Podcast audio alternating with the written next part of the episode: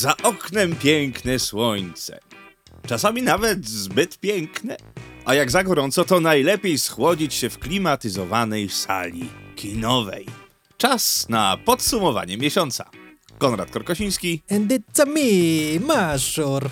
A to jest ten podcast filmowy. Przepraszam, musiałem, tak rzadko ma się okazję zrobić ten No, głos. proszę pana, no, jak robić, to robić. No, jest najlepiej zarabiający film w ostatnim czasie. To jest czwarty najlepiej zarabiający film animowany w historii filmów animowanych. Wyobrażasz to sobie? Ja patrzę na tą listę tych najlepiej zarabiających filmów animowanych jestem trochę załamany. Wiesz, jak ona wygląda? Top 3. Na miejscu trzecim Kraina Lodu. Na miejscu drugim Kraina Lodu 2. Na miejscu pierwszym Król Lew, ale uwaga, zgadnij, która wersja. No, aktorska. W sensie aktorska, ak- animowana. aktorska. tak, no, to animowana już jest oficjalnie, ponieważ jest na miejscu pierwszym najlepiej zarabiających filmów animowanych. Wieczny życia, krąg. Na miejscu czwartym natomiast znajduje się właśnie Super Mario Bros. No i widzisz, iluminaci w końcu podbili rynek e, filmów animowanych. No i to nawet nieźle im idzie, ponieważ w tym top 10 najlepiej zarabiających filmów animowanych w historii mają w sumie już trzy pozycje, ponieważ na miejscu szóstym znajdują się Minionki, Oczywiście. Boże jedyny, a na miejscu dziewiątym Jak ukraść księżyc, część trzecia. Ta lista jest dzika. Ale słuchajcie, spotykamy się tutaj dzisiaj, żeby porozmawiać o filmach, które udało nam się zobaczyć. Odezwał się do nas dystrybutor nowego polskiego filmu. E, dystrybutor i firma zajmująca się dystrybucją i promocją nazywa się Content Spot i odpowiadają za dystrybucję filmu o nazwie Rój. Czym jest film Rój? Ponieważ no, mogliście go nie, wi- nie widzieć idąc gdzieś po y, food przechodząc obok kina i patrząc na plakaty. E, dlatego, że film Rój ma trochę inny model dystrybucji, bardzo oryginalny model dystrybucji, chociaż w dzisiejszych czasach on nie jest aż tak, e, wydaje mi się, ultranowatorski, znając w ogóle rynek platform streamingowych i rynek VOD za granicą, to za granicą ten model dystrybucji jest bardzo popularny. A jakiż to jest model dystrybucji, bo tak mówisz? Jest to właśnie strona internetowa wydawcy, na której możemy obejrzeć ten film, wnosząc pewną opłatę za dostęp do tego filmu. I dostaliśmy oczywiście screenery, do- dostęp do tego filmu, żebyśmy mogli go obejrzeć i powiedzieć wam parę słów o nim. E, I, I dystrybutor zostawił nam decyzję, czy będziemy chcieli o nim porozmawiać, czy nie. My ten film obejrzeliśmy i dlatego o tym dzisiaj chcemy wam powiedzieć, ponieważ film nam się podobał i chcemy powiedzieć wam o tym trochę O więcej. czym opowiada film Rój? Opowiada o rodzinie, która mieszka na odciętej od świata wyspie. Mieszka z własnego wyboru. Postanowili się tam przenieść jakieś 10 lat temu. Z powodów, które nie do końca są wyjaśnione w filmie, są lekko zainsynuowane, z czego to może wynikać i jest jakaś taka mikro, mikro, tyci, tycieńka tajemnica dookoła tego, ale tak naprawdę nie jest to ważne, ponieważ film wykorzystuje ten mechanizm ludzi żyjących na właśnie takiej wyspie, w zgodzie z naturą, y, wszystko wytwarzają sami y, i nie korzystają z jakichkolwiek udogodnień cywilizacyjnych, które mogliby przywieźć ze sobą. No i po jakimś czasie ta hierarchia, którą oni utworzyli sobie na tej wyspie, ona zaczyna się trochę kruszyć, ponieważ y, żona, grana przez Romę Gąsiorowską, chce uciec z tej wyspy i zaczyna sprzeciwiać się temu status quo. I tak naprawdę moment, w którym wskakujemy w tą fabułę, to jest idealny moment do tego, aby stworzyć taki thriller, taki dramat psychologiczny, ponieważ to jest moment, w którym już ta iluzja jakiegoś takiego raju, ucieczki od cywilizacji. My do tego filmu wskakujemy w momencie, w którym to marzenie już zwietrzało i obnażyło wszelkie wady e, takiego pomysłu. I przez to ta konstrukcja takiego dreszczowca i, i, i filmu, w którym jest bardzo ciężka, intensywna atmosfera takiego zagrożenia i pewnego zamknięcia, staje się bardzo ciekawa dla mnie. To nie jest być może jakieś arcydzieło, ale to jest film wart uwagi. Jest przepięknie nakręcony film, bardzo solidnie zagrany, z ciekawym pomysłem, który otwiera różne możliwości interpretacyjne co do, co do roli kobiety w, w polskiej rodzinie albo o, o takim toksycznym, przemocowym środowisku, który, e, które potrafi, którym wiele rodzin w Polsce potrafią być. To wszystko bardzo fajnie się jakoś tam składa do kupy w tym filmie. Oczywiście to nie jest film pozbawiony wad, ponieważ ma swoje e, za uszami, ale nie o to tak naprawdę w tym chodzi. Dlaczego chcieliśmy porozmawiać o tym filmie? Ponieważ ten film, e, po pierwsze, ta dystrybucja, o której wspomniałeś, która jest bardzo ciekawa, natomiast po drugie, to też wiąże się z tym, jak ten film powstał, ponieważ ten film jak twierdzą producenci, jest to pierwszy w historii polski film, e, który został e, sfinansowany za pomocą crowdfundingu. Czyli oni nie uciekali się do Polskiego Instytutu Sztuki Filmowej, ani do żadnych innych wielkich polskich producentów. Nie, oni na własną rękę zdobyli fundusze i wypuścili go w bardzo nietypowy sposób dystrybucji, ponieważ sprzeciwiają się temu modelowi, który obecnie obowiązuje w polskiej kinematografii. I tak jak to y, bardzo często określają w wywiadach, że jest to bardzo hermetyczne środowisko, że stworzyć film, pomimo tego, iż w chwili obecnej technologia umożliwia tworzenie filmu bardzo, bardzo, bardzo, to umożliwia i bardzo to ułatwia, to jednak wbić się do tego środowiska, wkroczyć do tego środowiska i znaleźć y, fundusze, czy też dobłagać się o te fundusze, no to to już jest coraz trudniejsze z roku na rok. W związku z tym wydaje mi się, że jest to bardzo fajna inicjatywa. I myślę, że warto ten film wesprzeć. I myślę, że warto zagłosować y, swoim portfelem, żeby w przyszłości więcej takich inicjatyw powstawało, ponieważ faktycznie, y, jeśli teraz zagłosujemy, to być może za kilka lat doczekamy się rewelacyjnych filmów, które do tej pory nie miały nawet szans, aby powstać w polskiej kinematografii. Tak. Ja zaznaczę tylko, że to jest taka współpraca, ale bezpłatna. My się zgodziliśmy, żeby ten film obejrzeć i powiedzieć o nim parę słów, e, pod warunkiem, że ten film nam się spodoba. E, dostaliśmy dla was kody rabatowe ze zniżką 20%. E, ten kodzik będziecie mieli udostępniony w naszych social mediach i w opisie tego odcinka, więc jeżeli będziecie chcieli, to możecie ten film obejrzeć z 20% rabatem. E, tak jak mówię, my nic dzięki temu nie będziemy mieli, ale fajnie takie inicjatywy wspierać, żeby takie, tak jak Piotr powiedział, żeby takie inicjatywy rosły w siłę i żeby się rozwijały, bo dzięki temu to kino niezależne i kino oryginalne będzie miało większą możliwość, żeby, żeby rozkwitać. To też jest troszkę taka taka transakcja wiązana, ponieważ y, producent, to jest kod spersonalizowany specjalnie dla nas, czyli producenci tego filmu także będą wiedzieli, ile użytkowników od nas E, zalogowało się do tego filmu i to może też zaowocować tym, że za jakiś czas być może też będziemy y, jakieś inne tego typu oferty mogli, mogli, mogli przedstawiać. Czyli zajrzyjcie na nasze sociale, tam znajdziecie ten kod rabatowy, będzie dostępny także w tytule odcinka, ale także będzie w formie graficznej udostępniony. Czyli serdecznie polecamy i zachęcamy, żebyście skorzystali. Zwłaszcza, że to jest kwota biletu do kina nawet mniej z tym kodem rabatowym. Dokładnie tak. Głośno było w tym miesiącu z powodu serialu, który miał miejsce na HBO Max, czyli Miłość i Śmierć. Bardzo dużo ludzi mówiło, ojejku, to jest coś niebywałego, jaki fantastyczny serial. Spotkałem się zresztą u siebie w teatrze, że koniecznie musisz obejrzeć ten serial. Ja po cichutku nic nie mówiłem, po prostu sobie ten serial oglądałem. I, I byłem ciekawy, czy rzeczywiście jest to jakieś niebywałe wydarzenie, w momencie, kiedy równocześnie premieruje się Sukcesja, która w ogóle dzisiaj, kiedy to nagrywamy, ma swój odcinek finałowy. Ja jeszcze nie widziałem, mam ja nadzieję, że ty nie. też nie. Czekam na wieczór, żeby sobie półtorej godziny pożegnania z rodziną Rojów zafundować. No i miłość i śmierć, miłość i śmierć. Mówię, kurczę, no dobrze, oglądam. Powiem wam, że zostałem zainteresowany tym serialem przez y, kanał YouTube'owy Jakby Nie Patrzeć, czyli przez Kaję. Ona wypuściła odcinek właśnie, że pojawiły się na platformach streamingowych dwa seriale, które opowiadają dokładnie o tej samej historii. Czyli mamy serial, który jest na Disney Plus o nazwie Candy i serial wyprodukowany przez HBO, czyli Love and Death, Miłość i Śmierć po polsku. I opowiada, oba opowiadają historię Candy Montgomery, która zamordowała swoją, nazwijmy to przyjaciółkę nie chcę wam zdradzać za dużo, bo jest tutaj dosyć duży plot twist. Nie jest to żaden też spoiler, że ona zamordowała, bo, bo od tego zaczyna się y, na Disney Plus. Tam pierwszy odcinek to jest właśnie informacja, zostało popełnione morderstwo i próbujemy rozwikłać, jak do tego morderstwa doszło.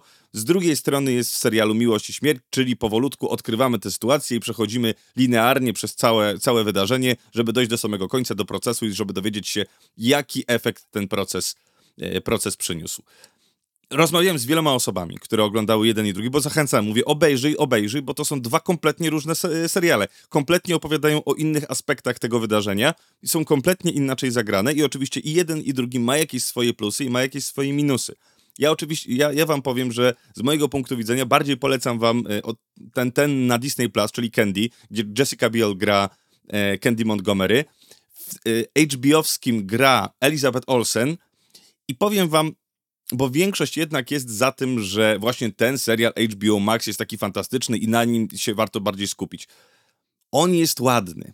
On jest nawet, bym powiedział, przepiękny. Tylko, że on pachnie ostatnio prowadziłem z kimś jakąś taką rozmowę i starałem się wytłumaczyć, dlaczego mi się to tak nie podoba. Ten serial jest denerwujący. Oprócz tego, że pierwsze dwa odcinki są bardzo urocze, wdzięczne, kiedy Candy i Alan Gore się ze sobą poznają i się y, y, próbują się umawiać na jakieś romanse i tego typu rzeczy, to jest zabawne. I ten dystans, który wymyślili sobie twórcy w tym e, konkretnym serialu się sprawdza. Tak później, kiedy dochodzi do tej tragedii i widzimy, że rzecz się obraca i rzecz staje się poważna, to wydaje mi się, że niestety twórcom nie udało się zachować tego wyważenia i zrezygnować z tego dystansu, tylko zostali cały czas w tym takim lekkim, mm, może trochę zbyt luźnym podejściu do, do tej sytuacji, która miała miejsce. Jednak statut morderstwa i statut y, sytuacji, która się dzieje, jest koszmarny, no, jest, jest tragiczny i wydaje mi się, że jednak zbyt lekkie podejście do tematu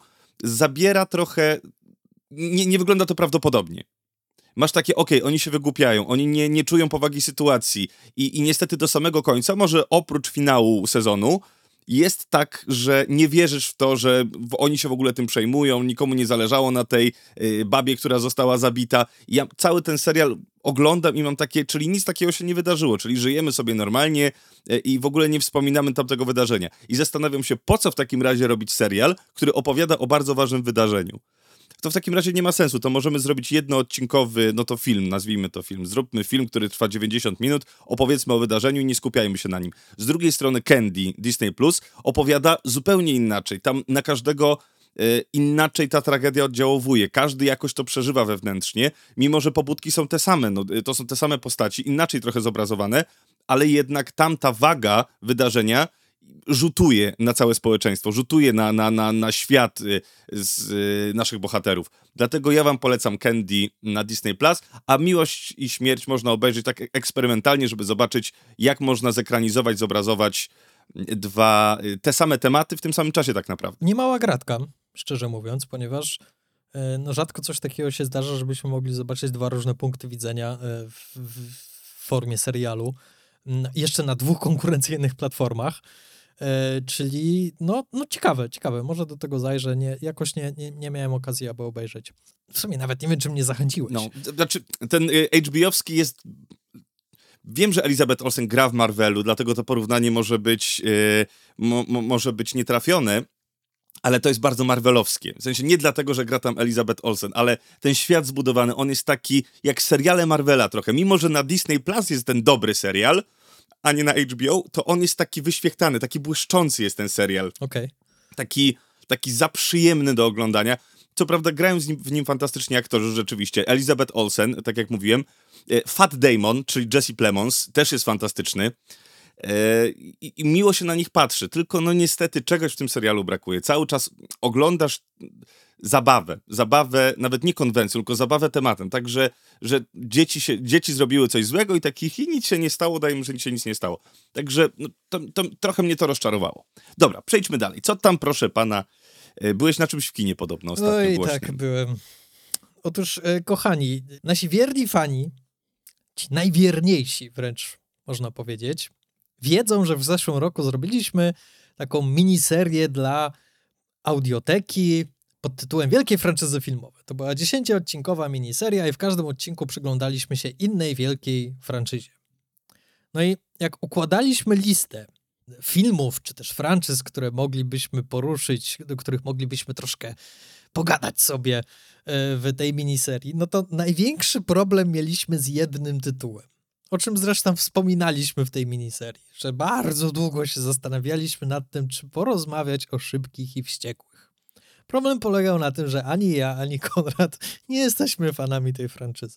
No ale stwierdziliśmy, że no nie, no nie, no, no po prostu nie możemy. To jest współczesna franczyza, jedna z największych współczesnych franczyz, jakie jeszcze trwają. To ma się dobrze. I co więcej, franczyza oryginalna, czyli to nie jest na podstawie czegoś, co już tam kiedyś było, to nie jest na podstawie jakiejś, wiesz, uniwersum superbohaterów czy coś takiego. No nie.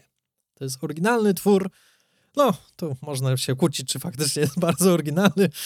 No ale w końcu przemogliśmy się i to były bardzo długie dwa tygodnie naszego życia w zeszłym roku. Nie wiem, ile tobie, Konrad, zajęło przejrzenie wszystkich Ojej. dziewięciu wtedy części Szybkich i Wściekłych, ponieważ nie oglądaliśmy spin-offu Hobbs i Show. Ja oglądałem. A, ty oglądałeś.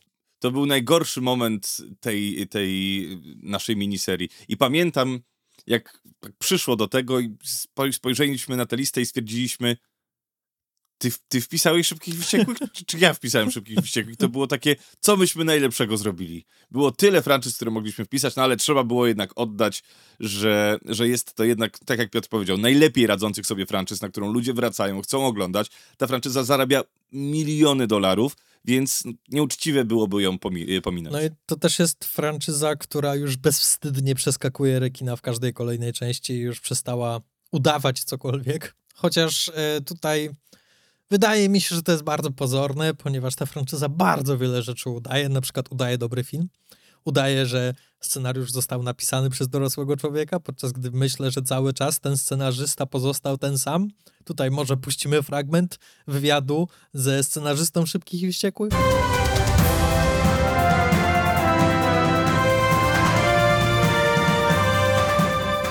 So excited to welcome one of Hollywood's brightest creative talents, the screenwriter behind this summer's blockbuster, the new Fast and the Furious movie, Fast Five. Chris Morgan, thanks for Hi. joining us.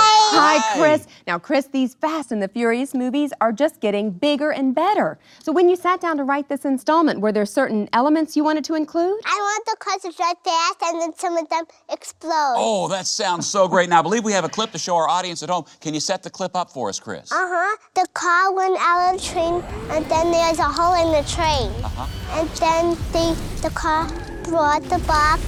Then the police went after them.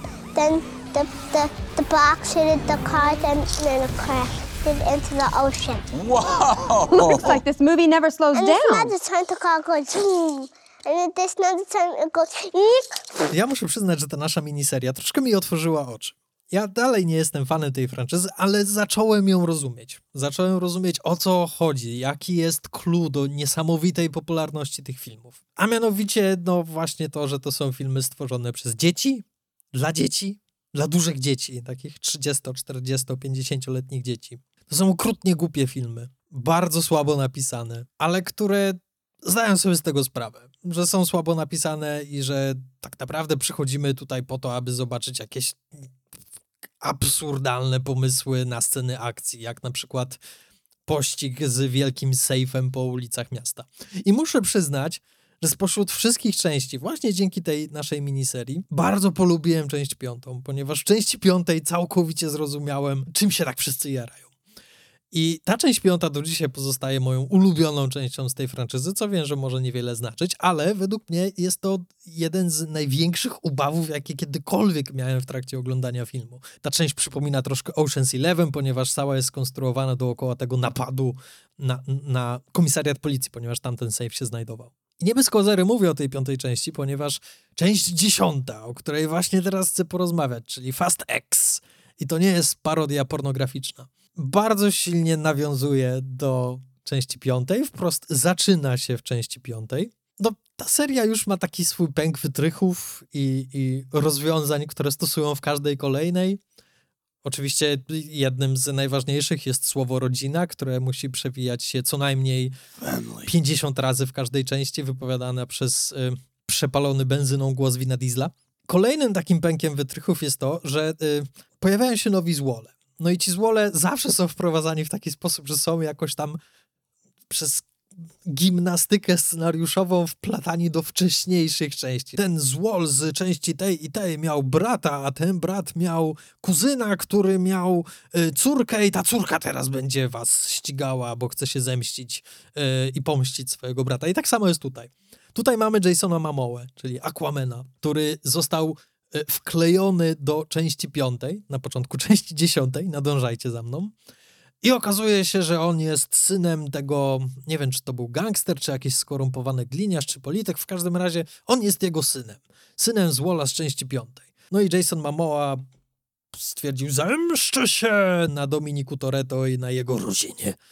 Ale to nie będzie taka prosta zemsta, ponieważ zemsta oczywiście najlepiej smakuje na zimno, ale przede wszystkim ja nie mogę go zabić, on najpierw musi cierpieć, no i on będzie cierpiał. No i w związku z tym część dziesiąta to jest właśnie wielka zemsta Jasona Mamoły Aquamena na Grucie, czyli na winie Diesle, Dieslu, Dieslu, Dieselu i jego rodzinie.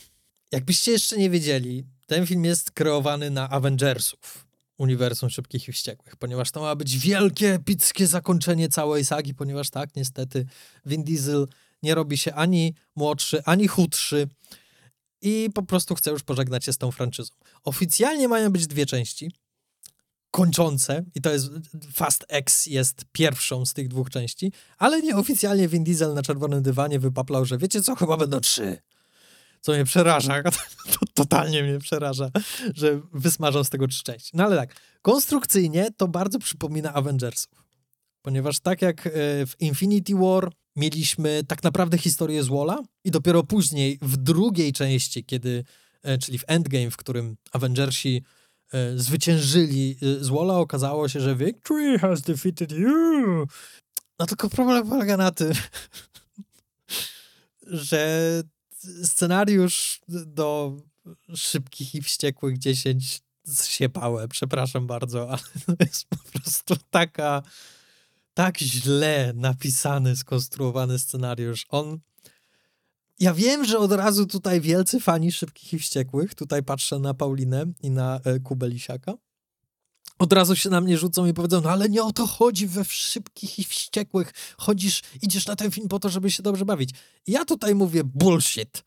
Nieprawda najlepsza część, która bardzo często w rankingach pojawia się albo na miejscu pierwszym, albo na miejscu drugim z całej franczyzy Szybkich i Wściekłych, to jest właśnie ta część piąta. Dlaczego ona jest tak świetna? Ona ma bardzo dobrą fabułę. Masz jasno wyklarowane, co oni muszą zrobić. Są pieniądze, one są w sejfie, ten sejf jest pod komisariatem policji, oni są złodziejami z samochodami, którzy kiedyś kradli odtwarzacze DVD, ale teraz przerzucili się na znacznie większe stawki. No i jak oni to zrobią? I cały film się skupia dookoła tego, i przez to, że my wiemy dokładnie, jaka jest stawka, przez to mamy znacznie większą frajdę z oglądania tego filmu. Tutaj natomiast nie masz żadnej stawki. Nie masz nic. No owszem, masz tego Jasona Mamołę, który grozi pięścią, ale to jest bardzo... Okej, okay, no dobra, no to jest złol. Ale co ci bohaterowie chcą osiągnąć, poza tym, że muszą uciekać, uciekać, bić się, kopać? O, ten koleś tutaj się pojawił, który był we wcześniejszych częściach. Dobra, dalej uciekamy, bijemy się, kopiemy. I nagle film się urywa, dosłownie. Ten film się urywa, ten film nie ma zakończenia. Dlaczego nie ma zakończenia? Ponieważ nikt do niczego nie dążył. W Infinity War mógłbyś też powiedzieć, że okej, okay, ten film się urywa, ale tam miałeś satysfakcję z tego, ponieważ ktoś przegrał, ktoś wygrał. Cała zamknięta historia w obrębie jednego filmu, no i później mamy kontynuację. Tutaj natomiast nikt nie przegrywa, nikt nie wygrywa, wszyscy cały czas się kopią, ścigają, eksplodują rzeczy nie wiadomo na jaką skalę. To mi przeszkadzało, ponieważ ja oglądałem ten film jak tapetę na ścianie. Chociaż nie, cofam to. Tapety na ścianie czasami sprawiają mi dużą frajdę, ponieważ jak wiesz, ja lubię tak, tapety. O dziwo. Natomiast ten film, no to po prostu, to była biała ściana, to była biała farba. To jakby nic to we mnie nie zrobiło. Nie, czasami śmiechłem, i tutaj muszę bardzo pochwalić Jasona Mamołę, który jest źródłem wszystkich śmiechów w tym filmie. I widać, że coś robi. Cokolwiek. Coś bardzo zaskakującego swoją drogą, ponieważ wiadomo, jak pomyślimy o szybkich i wściekłych, to jacy widzowie przychodzą ci do głowy, oprócz y, Kobelisiaka i Pauliny Przywary? No, taki, co będzie na ciebie trąbił, siedział ci na ogonie na autostradzie. Ej, typie! No właśnie. To według mnie zrobienie takiego złola, tak jak Jasona Momoa, który jest troszkę zniewieściały, troszkę igra z takim lekką gejowizną, lekką kobiecością. To nie jest nigdy doprecyzowane, ale maluje sobie paznokcie, chodzi w bardzo wykwitnych strojach i ma takie zniewieściałe gesty czasami i jest przekomiczny w tym. Kuba Lisiek nawet powiedział, że on jest jak Joker, jak Heath Ledger. Ja mu powiedziałem, dude, cicho bądź, nie. Bo tak jak Skyfall trochę? W takim tak, klimacie? Tak, w takim klimacie. To jest odważna decyzja, ponieważ Mamoła wręcz jakby się naśmiewał z tej franczyzy, występując w niej. Jakby się naśmiewał z tych wszystkich macho złoli. Natomiast tutaj Mamoła wkracza ze swoim, wiesz, baletem i pomalowanymi wszelkimi kolorami tęczy paznokciami, ale on przynajmniej coś robi, ponieważ cała reszta obsady oni po prostu zgłosili się po czeki. No Vin Diesel nie jest dobrym aktorem i to, to, to nie jest jakaś, jakaś szokująca opinia. No ale cała reszta, pamiętasz postać Hana z trzeciej części e, w Tokio? Ła, pewnie, cały czas On jadł. był fantastyczny, prawda? Był bardzo prosty, ale jaki charakterny. Tutaj natomiast on, on jest, ojeju, po prostu snuje się po ekranie, ledwo co mówi, nie ma już zupełnie tego wdzięku, który miał we wcześniejszych częściach i to samo możesz powiedzieć o całej reszcie obsady. obsady. Michelle Rodriguez, Ugh, to już lepsza była w Dungeons and jest, Dragons. dla mnie to jest niesamowite. Rozmawialiśmy o tym, co prawda, podczas naszej miniserii. Gdyby Paul Walker żył, podejrzewam, że oni sobie tak plują w brodę, że to jest jedyna osoba, której tak naprawdę nie mogą wskrzesić, bo jest im głupio już hop. nawet. Chociaż, Nie mów hop. chociaż podejrzewam, że w końcu to CG się pojawi i, i, i zobaczymy go, jak księżniczka leje. Podejrzewam, że takie rzeczy też się mogą tutaj wydarzyć, mimo zapewnień, że to się nie wydarzy. A pojawia się w dziesiątej części jakaś retrospekcja czy coś? Potrafili sobie bez niego poradzić? E, potrafili sobie bez niego poradzić, ale pojawia się dużo postaci z wcześniejszych części, no bo wiadomo, to już ma być wielkie zakończenie, czyli jest i Helen Mirren, No tak. i jest kilka zaskakujących e, cameo na sam koniec, o których nie będę tutaj wspominał, ale Kuba Lisiak bił brawo, to już sobie sam możesz odpowiedzieć, co się wydarzyło. Ja mogę psioczyć na ten film ile wlezie i nie omieszkałem psioczyć także w kinie w trakcie seansu. Całe szczęście obok mnie y, siedział mój ratunek, mój zbawiciel, czyli Łukasz Przybara z audycji Ryneczki kontramarkety, y, który tak samo cierpiał jak ja i gąśliwie komentowaliśmy każdą bzdurę, która na tym ekranie się pojawiła. Ale słuchajcie, to nie ma znaczenia, ponieważ ten film i tak i tak zarobi i fanom ten film i tak i tak się spodoba. Nie twierdzę, że to jest jakieś koszmarne barachło. Nie mówię, że to jest najgorsza rzecz, jaką hollywoodzka kinematografia wypuściła w ostatnich latach. Nie, bywały gorsze rzeczy. Tylko dla mnie to jest po prostu już nudne. To, to, to nie ma żadnej Friday. E, A najzabawniejsze jest to, że praktycznie każde ujęcie wewnątrz samochodu to wszystko jest na green screenie. Oni już nawet nie raczą nawet wsiąść do tego auta i wyjechać na drogę, żeby, żeby zarobić te swoje pieniądze. Widać, że oni wszyscy są okrutnie posadzeni wewnątrz statycznego rekwizytu. Kurczę, jak robisz, jak zrobiłeś swoje nazwisko jako gwiazdy filmowej, jako gwiazda kina samochodowego, no to cholera, no weź chociaż do jednej sceny wyjedź na tą prawdziwą drogę. Ej. Ale nieważne. Świetny film. Świetny film. Jeśli chcecie bezmózgiej rozrywki w stylu Transformersów, śmiało idźcie sobie e, na Szybkich i Wściekłych, chociaż śmiem twierdzić, że Transformersi byli lepsi od tego filmu. Dokładnie to chciałem powiedzieć, że takie filmy też są potrzebne. Na takie filmy też ludzie chodzą i chcą iść do kina, żeby po prostu popatrzeć na wybuchy, na wyścigi, pobawić się. Od tego jest kino. Kochani, dobrze, ja teraz przejdę do dwóch filmów, które y, ostatnio debiutowało, debiutowało w naszym kinie. I to są dwa horrory. Horrory są fantastyczne. Horrory najlepiej ogląda się w kinie o 22.40 na pustej sali. Byłem w tym e, miesiącu w kinie na horrorach dwukrotnie. To był e, Martwe Zło, czyli Evil Dead Rise. Ten, ten film możecie znać, bo to już jest piąta y, odsłona z słynnej serii Martwe Zło. Martwe Zło zadebiutowało bodajże w 81 roku. I to jest już film kultowy, on ma fantastyczne oceny. Niedawno nawet mi pan Damian Kulec, którego tutaj wspomnę, bo ludzie kochają Damiana Kulca na naszym podcaście, więc niech jego imię tutaj nam gra i przyświeca. Może kiedyś będzie ten podcast filmowy imienia Damiana Kulca, może będzie patronem. No już ma Zobaczymy. kategorię Jak się w jednej z naszych serii, której od bardzo dawna nie robiliśmy. Kategoria była nazwana jego To prawda. imieniem. Że nie kategoria, Dokładnie tak. Nie kate... Błąd. Paradoks. Znaczy błąd. Leni... Lenistwo. precedens Damiana Kulca. Precedens. To było, to było lenistwo. Lenistwo Damiana Kulca, tak to się powinno nazwać. Nieważne. Martwe zło. E, Właśnie pan Damian Kulec mi napisał, że widział, żebym obejrzał, bo fantastyczne, świetnie się bawił. Rzeczywiście obejrzałem, super. 96% na e, Rotten Tomatoes. E, Tym mówię o tym pierwszym oczywiście, 81 roku. Ten nowy, niestety, nie mogę go tak pochwalić. O czym opowiada Martwe Zło? Otóż zaczynamy od jakiejś sceny w środku lasu, oczywiście, wiesz, piękne baby opalające się na pomoście, chłopak, który lata dronem i jest pierwsza akcja, gdzie dziewczyna mówi ej, Michael Bay? Trochę Michael Bay, ale nie, bo tu widzimy drona, a nie ujęcia z drona.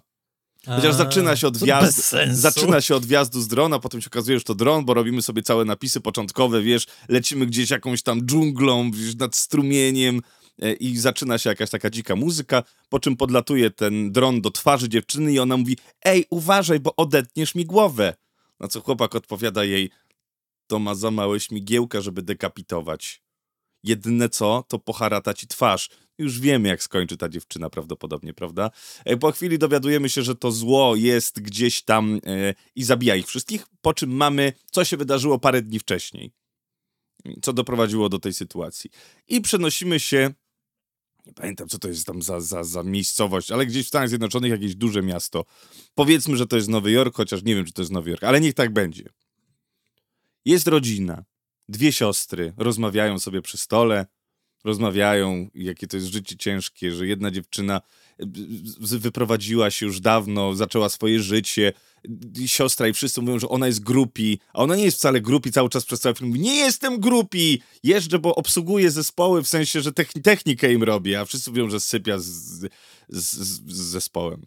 I ona tak cierpi z tego powodu. A druga siostra, która tu mieszka, ma trójkę dzieci e, i ciężko jej, bo mąż ją zostawił, czy tam chłopak ją zostawił, no ciężko, ciężko i wysyła ta swoja matka swoje dzieci bidne po pizzę. Mówi, idźcie, jedźcie po pizzę. W momencie, kiedy oni wracają z tej pizzy, dochodzi do trzęsienia ziemi. O matko, trzęsienie ziemi. Oni akurat są na parkingu podziemnym w domu, w tym takim apartamentowcu, bloku, w którym mieszkają. No i co się dzieje? Pod tym blokiem jest zakopane wspomnienie demona. W ogóle jakiś ksiądz, egzorcysta, który chciał odnalazł jakąś Biblię szatana, zakopał ją pod tym blokiem właśnie i ostrzega na płytach winylowych, nagrał trzy płyty. Pierwsza, że o, chcemy, chcemy dokopać się do tego, co jest w tym, prawda? Druga płyta, podpisana numerem dwa, jest napisana, jest, jest tam nagrany jego głos, który odczytuje tę te, mszę wywołującą szatana i demona. I na trzeciej płycie, podpisanej numer 3, co może być nagrane? Broń Boże, nie odpalajcie płyty numer jeden, tam, tam numer dwa, bo wskrzesicie tego szatana, on jest, nie da się go pokonać. można poszatkować ciało y, opętane na milion kawałków, a i tak będą cię atakowały te resztki tego ciała. Nie wskrzeszajcie demona. Jaki głąb podpisuje tę płytę numer trzy? Podpisałbym ją najpierw od Palte. Zmazałbym numer dwa i numer trzy i jeden napisałbym na tamtej, a tamte bym połamał na przykład. No. Nie, oczywiście tak nie może być, bo by nie było filmu. I słuchajcie, ten demon opętuje jedną z tych matek, oczywiście matkę tego, tego trojga dzieci. I to jest bardzo body horror, bardzo. Dzieją się tu rzeczy niebywałe. Ten film jest głupi.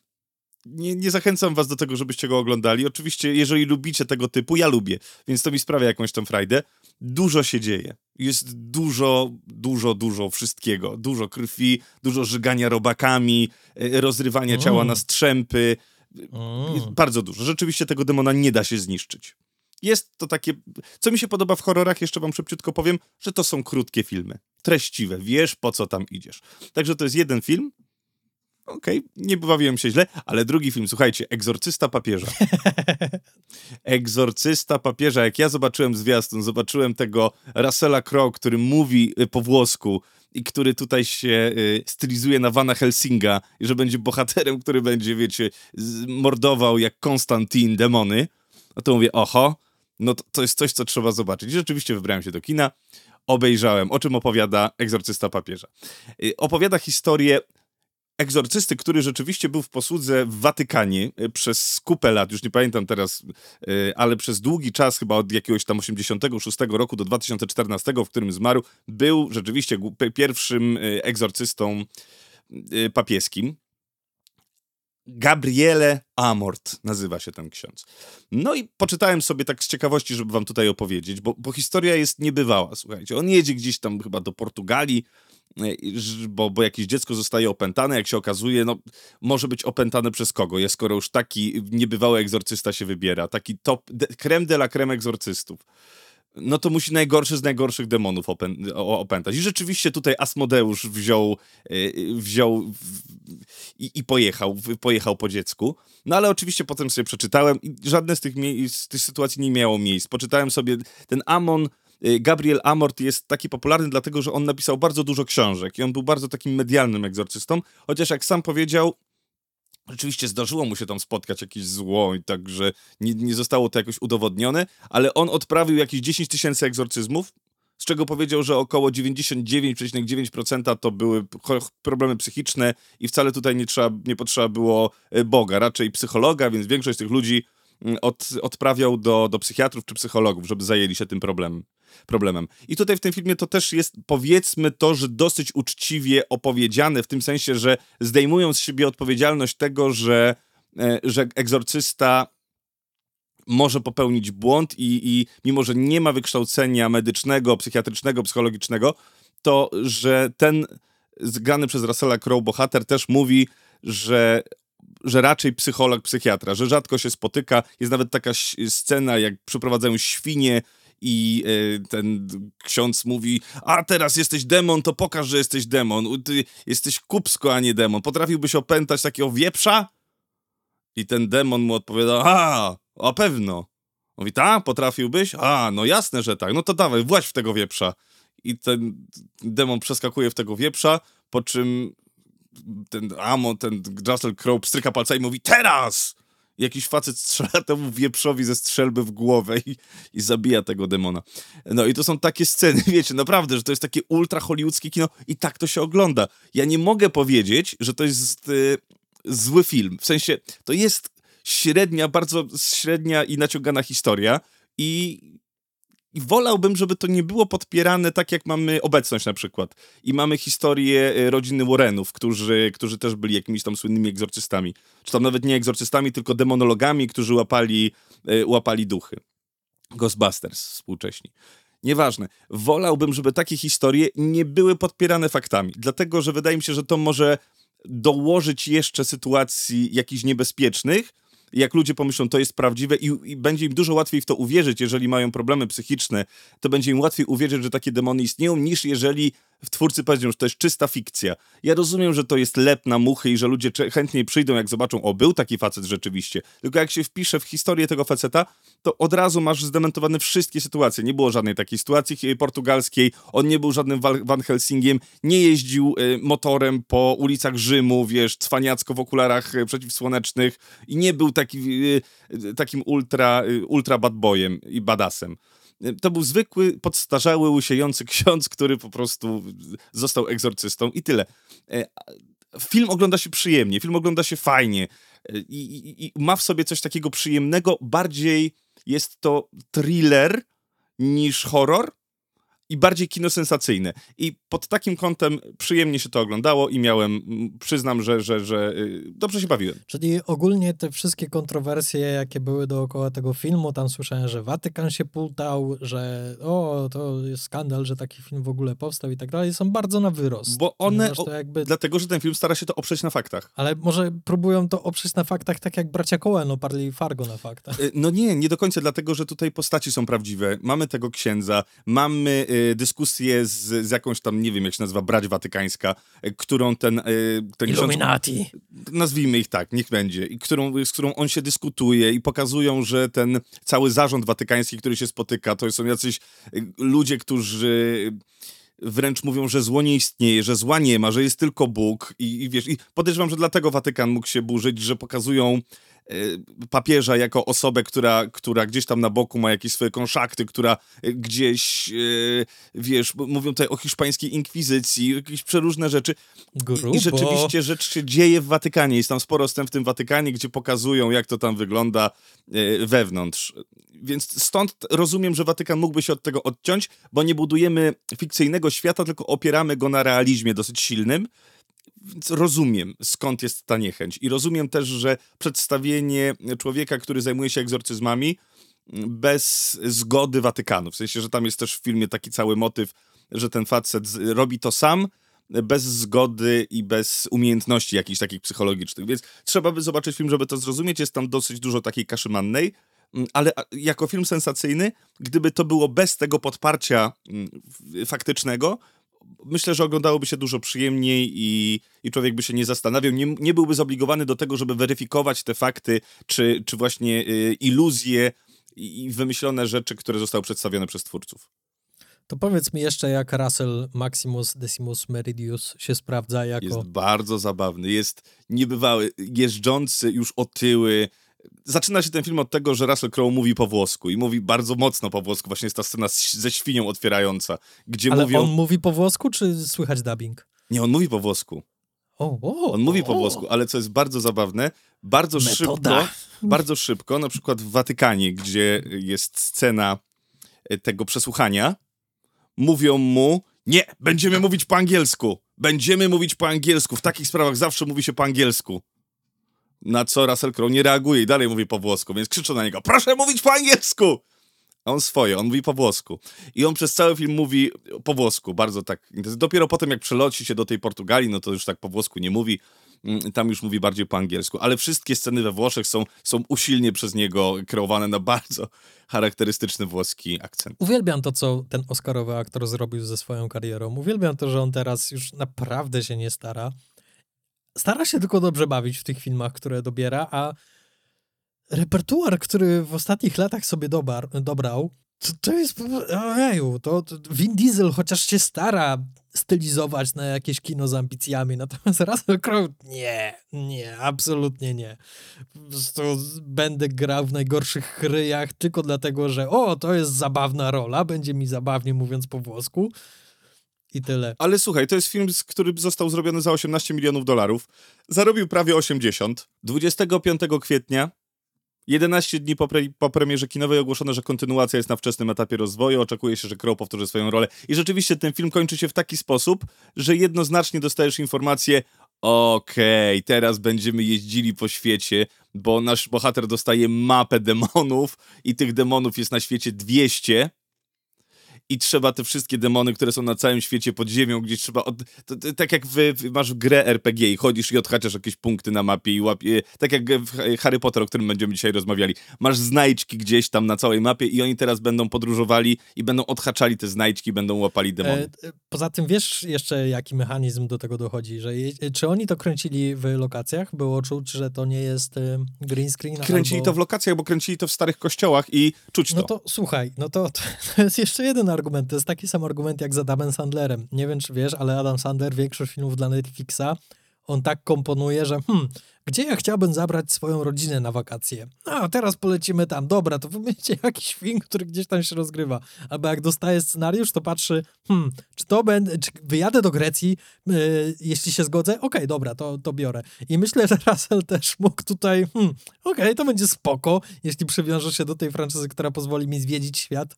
Kręcili to głównie w Dublinie i w Rzymie, yy, a w Dublinie kręcili w Kolegium Świętej i Niepodzielnej Trójcy Królowej Elżbiety w okay. pobliżu Dublina. E, w każdym razie to jest... Y, bardzo się cieszę, że Russell wreszcie znalazł swoją franczyzę. I on się dobrze bawi, naprawdę przyjemnie się na to patrzy. Słuchajcie, tak jak lubicie sceny z egzorcyzmów, y, z egzorcysty, najfajniejsze w całym filmie są rozmowy księdza z demonem. I tu jest... Z, tak, a tu, i tutaj mamy dokładnie to samo. Momenty, w którym Russell Crowe gra, że ten demon nie powinien tego wiedzieć. Skąd ty to wiesz? Bardzo to jest a czy, śmieszne. A czy demon jest chociaż w połowie tak zabawny jak Pazuzu? Nie, to jest poważny demon.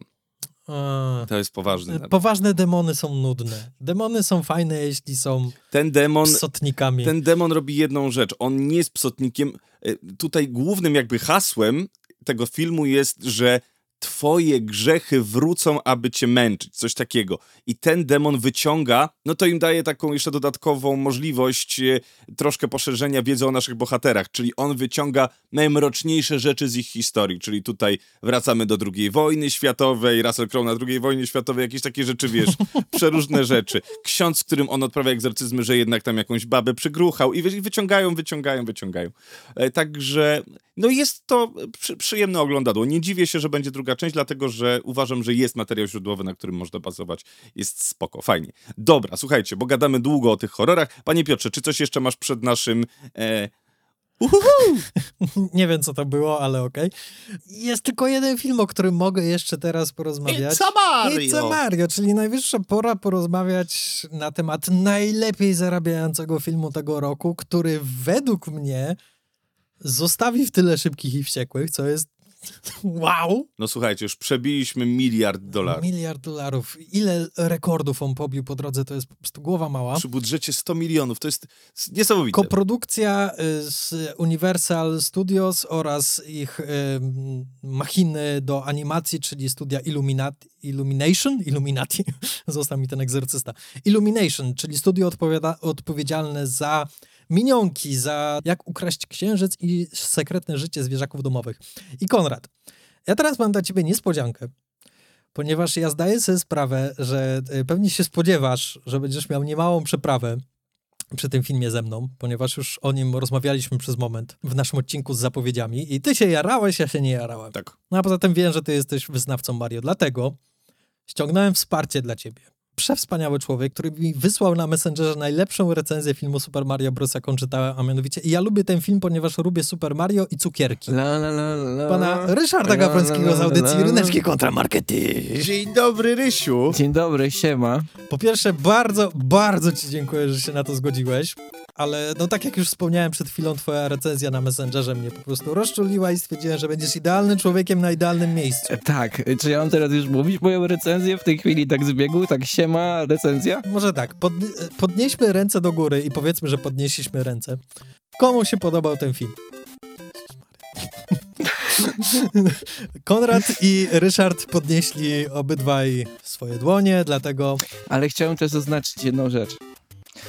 Pomimo tego, że ten film się podobał, uważam, że jest strasznym gównem, ale jest wspaniały. I ja jestem po prostu rozdarty i nie potrafię jednocześnie tutaj, mm, nie wiem, poprzeć Konrada i powiedzieć najlepszy film świata albo wspaniały film. Absolutnie, a ja też nie mam takiego zdania. Ja, ja znam gry Mario, grałem w gry Mario i to jest dla mnie to, co twórcy powinni, powinni zrobić. Ja rozumiem, że tym, ten film się prawdopodobnie nie spodoba ludziom, którzy nie znają tego uniwersum, dlatego że gry Mario takie są, one nie mają fabuły. Tam jest jedno proste założenie. Trzeba dojść z punktu A do, do, do punktu B, trzeba uwolnić księżni księżniczkę Peach, e, trzeba zabić Bowsera, zabić, pokonać Bowsera i tyle. I tutaj nie można powiedzieć, że to jest najlepszy scenariusz filmu animowanego, jaki widzieliśmy, bo ten, ten scenariusz nie istnieje. No nie, to nie ma prawie scenariusza. ten film ma scenariusz, został napisany na jednej stronie A4 bardzo dużą czcionką. Dokładnie tak.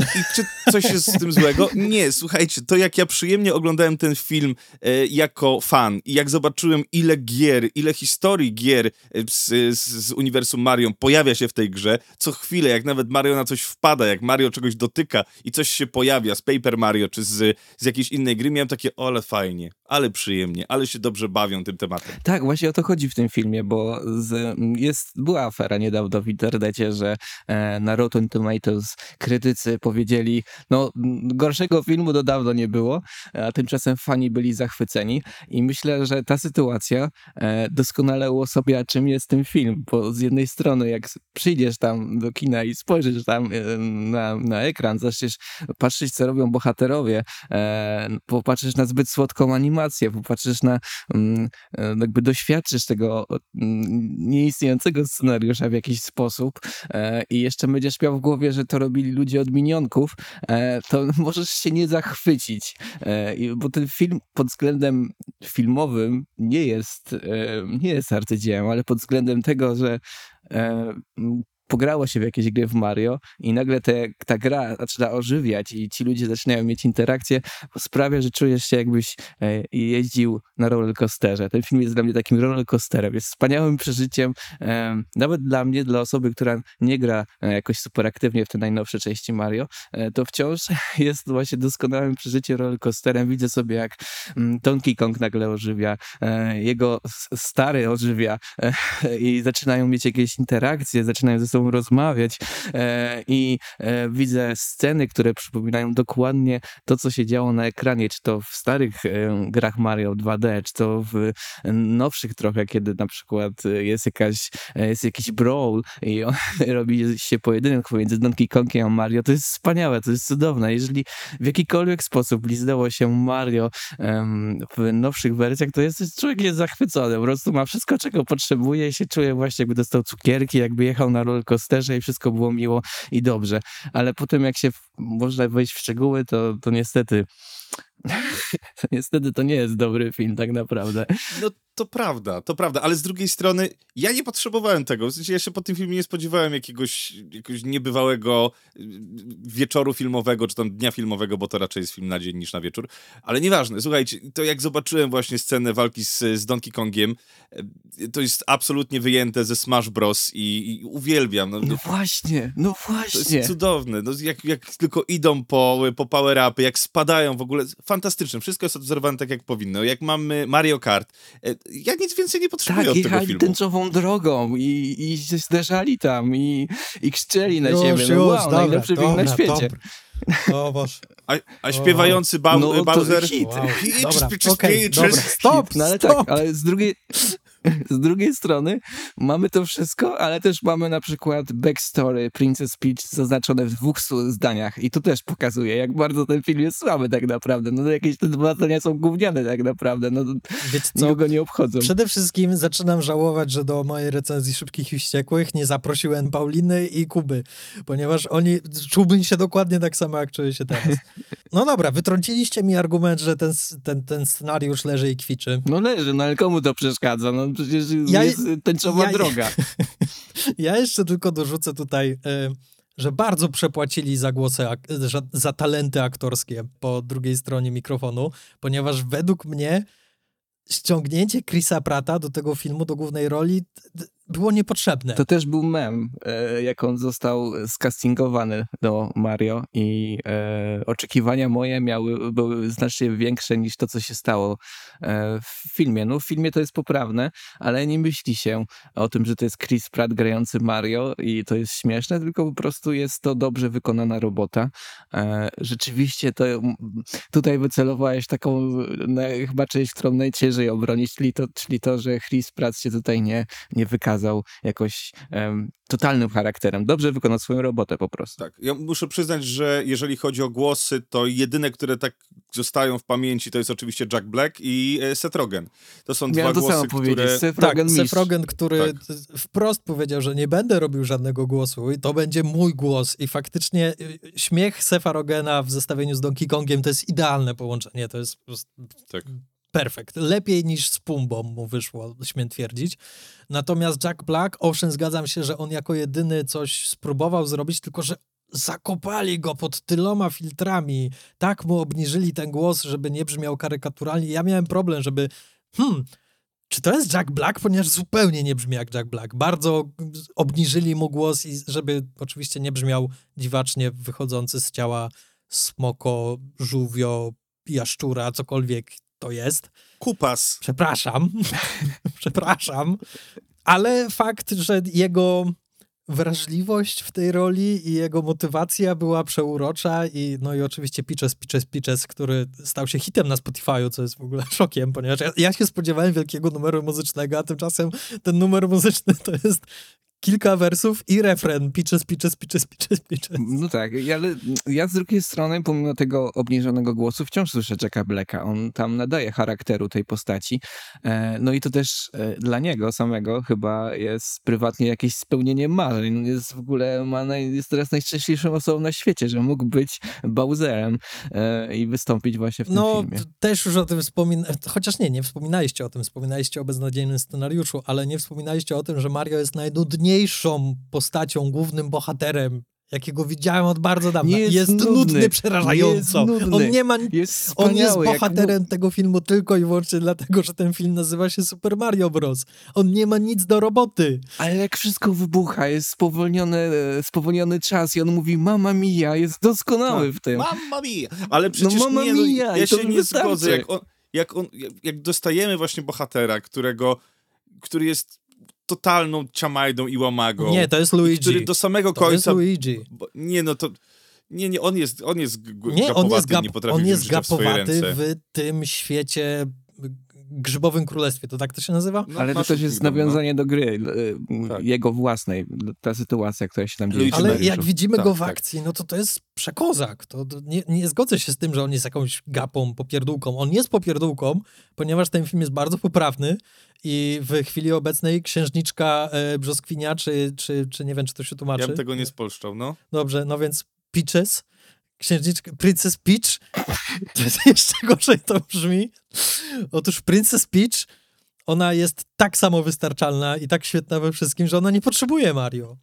I bardzo dobrze. Ona mogłaby jechać do nich i by sobie dała radę. Ona potrzebuje miłości. Ale tam nie ma żadnej miłości w tym filmie, nie ma żadnego romansu, Tam żadnych, jest, jest, nie jest. ma żadnej chemii Nie pomiędzy widzisz, jak ona na niego patrzy? a małym Jakąś- hydrauliczkiem. Jak on sięga po power upa, ona tam ma po prostu przypomina jej się Grzybowe Królestwo. Mi się w ogóle wydaje, że ten film ma być jakimś początkiem i to jest zaznaczane Oj, grubą tak. kreską w wielu kwestiach i myślę, że ten wątek e, relacji mm, pani księżniczki Brzoskwini z panem Hydraulikiem będzie się rozwijał, jak wiele innych sytuacji. Mieliśmy nawet scenę po napisach, nie wiem, czy mogę zaspoilerować, ale jest scena po napisach w Marvelu, więc, więc będzie się działo. Ja nie zostałem na scenie po napisach, bo stwierdziłem, że nie, nie. Żałuj, ja wiedziałem, że na pewno wrzucą. Byłby Ja wiedziałem, że na pewno wrzucą scenę po napisach, ale stwierdziłem, nie, nie interesuje Ale były mnie to, dwie. Ty chcę. pierwszą widziałeś po napisach scenę? Żadnej nie widziałem. Nie widziałeś Pitches, Pitches, Pitches znowu piosenki?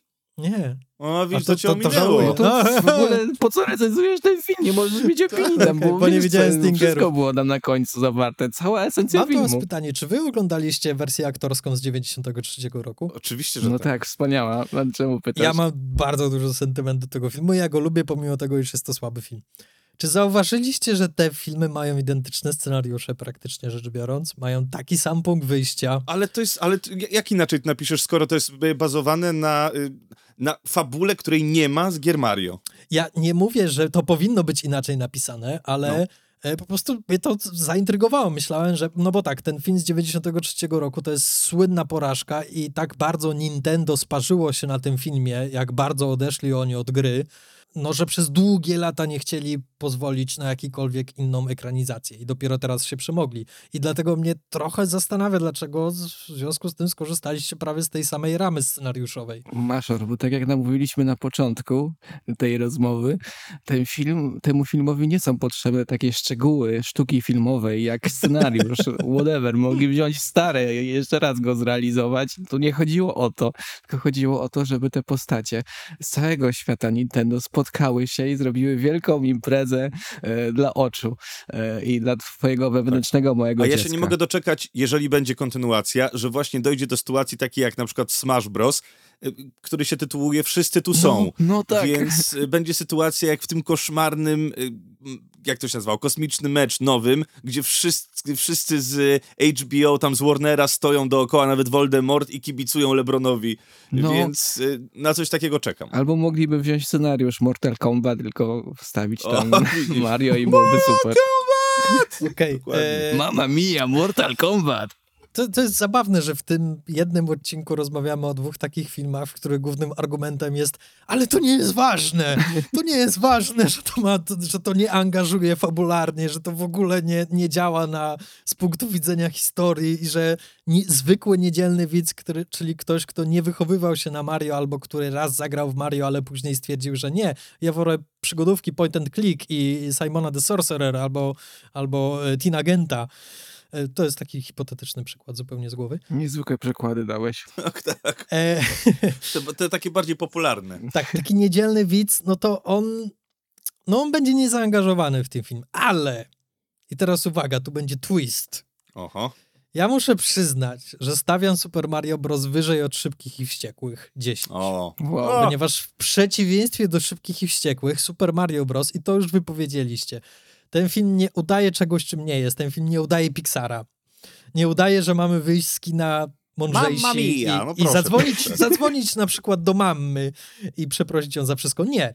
Ten film ma bardzo, jest bardzo szczery, jeśli chodzi o to, dla kogo on powstał. Czyli dla siedmiolatków albo dla 30-letnich siedmiolatków. Dokładnie, dla wszystkich. Dla wszystkich jest ten film. którzy po wyjściu z kina mają albo wrócić do domu i odpalić Mario, albo jeśli nie mają Mario, mają pójść i kupić sobie Mario. I ja muszę przyznać, Zachciałeś pograć w Mario. że musiałem bardzo długo sobie bić po łapach, żeby nie kupić sobie Mario po obejrzeniu tego filmu. Czyli film działa w jakiś sposób. To jest jedyny film, gdzie w trakcie seansu ja miałem bardzo wielką ochotę zagrać w grę. Nie dlatego, że ten film jest beznadziejny i gra jest lepsza. Nie, dlatego, że ten film tak świetnie oddaje ducha gry. To musisz zagrać w to. To jest absolutnie kwintes kwintesencja tego, co się działo na ekranie. Fantastyczne. Mario Odyssey, dobrze. Dzięki za, za, za polecajkę. A w ogóle, mm, Maszor, naprawdę sztuka filmowa nie jest ważna w tym filmie, bo e, byłem na przedpremierowym pokazie i ludzie wstali pod koniec filmu i klaskali. Cała sala, cała sala była wypełniona i wszyscy klaskali, był człowiek w stroju Mario, wszyscy się uśmiechali i byli radośni, że mogą uczestniczyć w prapremierowym pokazie filmu Mario. Widzisz, domyślę, były jakieś grzybki na sali albo ktoś w, w ogrodniczkach, czy coś Ktoś, takiego? ktoś miał czapkę grzybka, jeżeli o to Mhm, pytasz. mhm, mhm. Dobra. Chodzi mi o coś takiego, że tak jak rozmawialiśmy o tej wersji z 93 roku, pomimo tego, że to jest prawie taka sama fabuła, no to różnica jest gigantyczna, ponieważ ta wersja z 93 roku, ona stwierdziła, producenci stwierdzili, że nie, nie będziemy robili tej całej stylistyki z gry, którą wszyscy tak kochają, ponieważ nikt tego nie chce. W związku z tym zrobimy jakieś mroczne, postapokaliptyczno-batmanowsko parko jurajsko wiosko coś. Ponieważ to było wtedy modne. Batman był modny, e, Park Jurajski był modny, w związku z tym wrzućmy to wszystko do tej ekranizacji gry, która nie ma nic z tym wspólnego. Zróbmy to po filmowemu.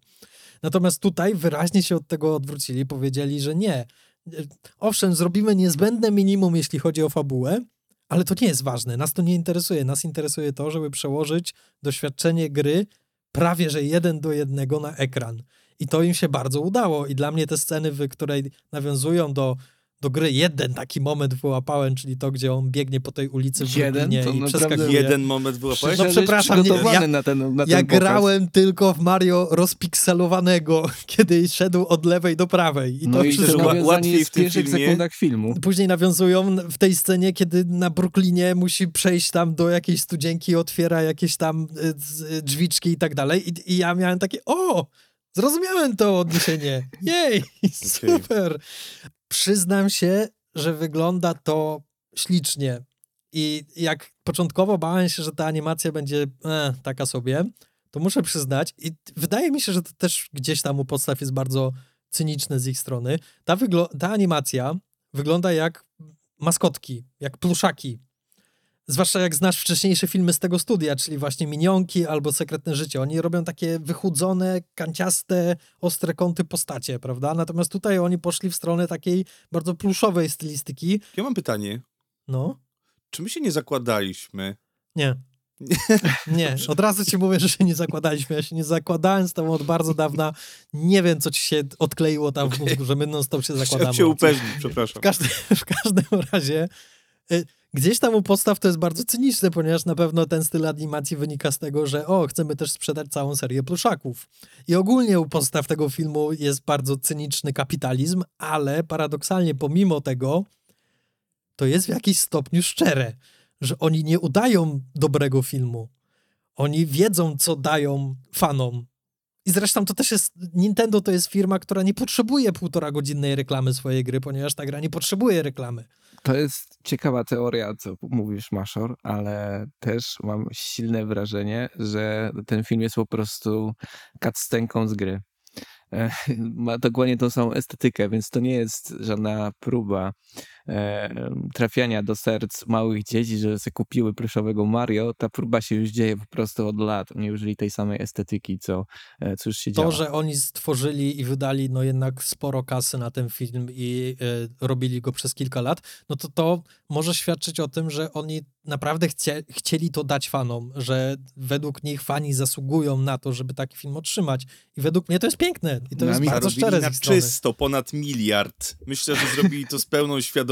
Nie, żeby dać widzom macie, idźcie, bawcie się, tylko wiedzieli, że to jest kolejny, e, że, że przyszedł ten moment, kiedy mamy widza, który wychował się na Mario, który pójdzie do kina i wyda każde pieniądze, żeby zobaczyć dobry film w uniwer- uniwersum Tak, Mario. ale to też jest obostrzone tymi wszystkimi rzeczami, że to dlatego ten film jest tak generyczny, jak tylko można sobie wyobrazić, ponieważ oni nie chcieli nikogo zrazić, nie chcieli żadnego ryzyka. Absolutnie, wyeliminujmy najmniejsze ryzyko z tej ekranizacji. Mhm. Nie daj Boże, żeby komuś się to nie spodobało. No i hej, udało się. Możecie się o coś założyć i na przykład jak Maszor przegra, to będziecie e, robić przegląd następnych filmów Nintendo, bo całego Nintendo Universe. Nie wiem, o co mielibyśmy się tutaj założyć, bo nie wiem, co by Konrad mógł wymyśleć, żeby mnie przekonać do tego. No na przykład, żebym ci film zabrał. Albo film, albo Nintendo e, e, Extended Universe na, e, w pod tym podcaście filmowym. No piękny wybór. O, Ech. Słuchajcie, ogólnie pomimo mojego psioczenia, ja jestem na tak Jest! I to nie jest Uhu! mój jakby odwrót strategiczny, ponieważ serio, bardzo przyjemnie się na to patrzyło i jakby przede wszystkim przekonuje mnie to, że oni e, nie udają czegokolwiek. No dobrze, słuchajcie. A czy, y, Rysiu, czy ty grałeś w Dziedzictwo Hogwartu? Nie, nie grałem. Rozumiem, że nie jesteś zainteresowany taką, e, taką e, komercyjną, e, kapitalistyczną odnogą wielkiego imperium faszystowskiego J.K. Rowling. Nie, ja po prostu się boję o swój własny czas. To jest jedna z tych typu gier, że jak za, włączę, to wyłączę za trzy miesiące, a moje życie wymaga ode mnie aktywności na innych polach niż tylko w Hogwarcie. I tylko dlatego. No dobrze, słuchajcie, Dziedzictwo Hogwartu. Na tym podcaście nie rozmawiamy za dużo o grach komputerowych, czy tam Z grach konsolowych. Super Mario Bros. No tak. Y, Czy tam grach konsolowych w dzisiejszych czasach trochę to się zmieniło i gra komputerowa już nie jest do końca y, takim jednoznacznym określeniem na, na, y, na świat gier. No i przyszedł czas, że znaczy, od czasu do czasu jest taki moment, kiedy gry spotykają się ze światem filmu. I akurat Dziedzictwo Hogwartu było grą, na którą wszyscy czekaliśmy. I wiem, że Piotr już nawet poczynił jakiś zakup i kupił sobie nie tę wersję, którą powinien i płakał w poduszkę, bo został, tak twierdził, że został oszukany. Ja uważam, że tutaj Nieprawda. wina raczej jest po jego stronie. Zostałem oszukany przez mojego brata, bo ja się A, kompletnie nie sensie. znam na tych konsolach. Mój brat mi powiedział, tak, bierz, pójdzie, pójdzie. Zwłaszcza, że to jego konsola była. Jak to jest? I ty to zakupiłeś i potem musiałeś kupić inną wersję, czy udało ci się te zwrócić? Nie, zwróciłem, zwróciłem Aha. bez problemu. Y, Dobra, no i słuchajcie, no i rzeczywiście my z Piotrem jesteśmy posiadaczami starszych konsol. Sensie I Piotr i ja mamy Xboxa, ja mam y, Xbox One S i Piotr chyba też ma Xbox One S. Dokładnie. Ja mam tę konsolę, bo ona mi służy jako odtwarzacz płyt, odtwarzacz płyt 4K i ewentualnego jakiegoś tam grania od czasu do czasu. W Batmana. W Batmana, tak, chociażby. No i, i słuchajcie, rzeczywiście ja na to dziedzictwo czekałem bardzo, bardzo mocno, ale stwierdziłem, nie będę kupował nowej konsoli, tylko dla tej jednej gry, poczekam, poczekam. I to czekanie się przedłużało. I rzeczywiście w maju, na początku maja udało się, spełniliśmy to swoje marzenie, to chyba jakoś w majówkę się wydarzyło, że 5 maja Dziedzictwo Hogwartu wypremierowało się na starszych konsolach. Ja, ja się trochę bałem, dlatego że, no nie oszukujmy się, te konsole już mają swoje lata, od wielu lat już na rynku jest y, nowa generacja konsol i one sobie z tym dają radę. I pytanie, jak ta historia, w ogóle nie wiem, czy warto gadać o technikaliach, czy to, jest, to chyba nie ma żadnego znaczenia w tym momencie. Od razu wam powiem, zanim przejdziemy do tego, o czym jest ta gra, że gdybym mógł mieć nową konsolę, nową generację, to wolałbym grać na nowszej, dlatego że czasy ładowania mnie zabijają i jak muszę się gdzieś przenieść, żeby poszukać księżyców czy czegoś tam, to dostaję szału. Du- połowę y, czasu grania w gry spędzam na czasach ładowania, nawet przechodząc z pokoju do pokoju i, i to mnie po prostu denerwuje. Tak, tutaj się podpisuję pod tym. A wiesz, jak wyglądał y, cy- Cyberpunk y, na starszych konsolach, jak wyszedł? Nie było za dobrze. Było koszmarnie. Było, twarze ludzi były tam takie rozmazane, jak bardzo komiksowe wręcz, więc jeżeli nie masz e, problemów z tym, tylko z czasem ładowania, to to jest bardzo dobry st- status tej gry tak naprawdę. Znaczy, muszę przyznać, że wszystko wygląda bardzo dobrze i bardzo rzadko konsola traci te, te, te stałe 30 klatek, więc to jest super. Aczkolwiek jak dochodzi dużo jakichś sytuacji, jak sobie ostro pomykam na miotle, rzucam revelio e, i gdzieś tam, wiecie, ten świat Rozmarzyłem się. ten świat gdzieś się odkrywa dookoła, albo jak atakują mnie jacyś tam, e, nie wiem jak oni się nazywają, to są po prostu chyba... e, Popiołki. ku- Kłusownicy. A, kusownicy. Kusownicy to co innego. Kłusownicy tam atakują cię z, z zakazanego lasu i rzeczywiście jak pojawiają się te czary, to gra potrafi się lekko przyciąć na tych starych konsolach, ale oprócz tego czasu ładowania, gra wygląda bardzo dobrze. No to jesteś w luksusowej sytuacji. Gra wygląda bardzo dobrze, ponieważ e, utrzymali konsekwencje względem tego, co zaprezentowano w filmach. E, czyli to, to bardzo skorzystało to na tym, że to jednak jest jedna ręka, która tu wszystko trzyma i pilnuje, żeby za bardzo nie szaleli. I to akurat się sprawdziło znakomicie, ponieważ Hogwart wygląda obłędnie. Ła, no, zamek jest ogromny i... Jest ogromny. i Ja się, rzeczywiście- ja się nieustannie gubię. Gram już 40 którąś godzinę i cały czas się gubię w Hogwarcie i jeśli miałbym na piechotę po prostu pójść z jakiejś sali do, do innej sali, to bym w życiu nie trafił. Ja sobie nawet poszedłem raz na wieżę astronomiczną, odpaliłem Lumos, żeby y, uczcić To Dumbledora, potem wieżą, poszedłem na wybrzeże, się ale spojrzałem w dół, chciałem zobaczyć, zaskoczyłem sobie tam. Ja chciałem zepchnąć kogoś z tej wieży. O. Potem poszedłem sobie do portu, tam do tego miejsca, gdzie Też- te łódki, też gdzie tam byłem. umarł, też sobie odpaliłem Lumos. Tak, tak, Tak. tak. No dobra, To rzucam fan- to swoje fantastycznie. życie i idę kupić to Hogwarts Legacy. Wygląda to wspaniale. Wspaniale, Zrobiliście naprawdę. najlepszą reklamę.